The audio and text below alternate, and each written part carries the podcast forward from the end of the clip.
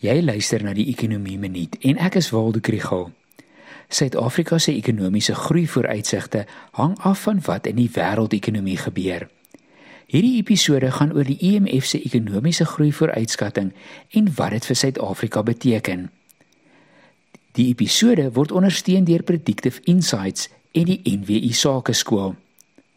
As ons handelsvennote se ekonomie groei, vaar ons uitvoer beter.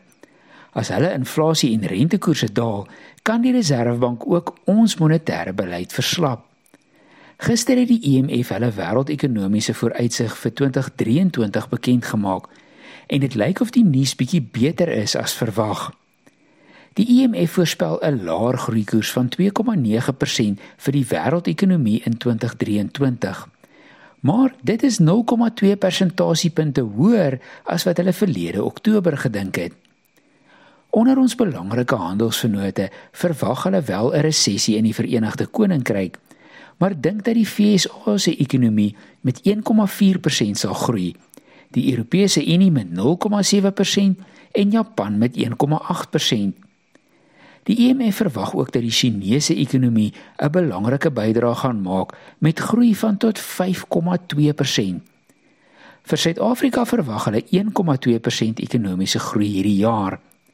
Hulle stem saam dat die kragkrisis groei gaan demp, maar is positief oor kommoditeitsuitvoer na China as 'n drywer van groei.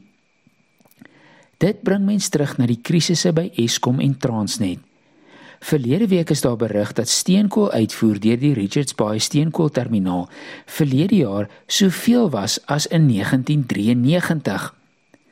Die Minerale Raad sê dat die mynbedryf tans groot beleggings maak in alternatiewe kragopwekking wat beteken dat die geld nie beskikbaar is om die bedryf uit te brei nie. Die internasionale ekonomie is soos 'n golf wat ons kan vang, al is dit 'n kleiner een. Maar daarvoor moet die hervormings waaroor almal al so lank praat, nou geïmplementeer word.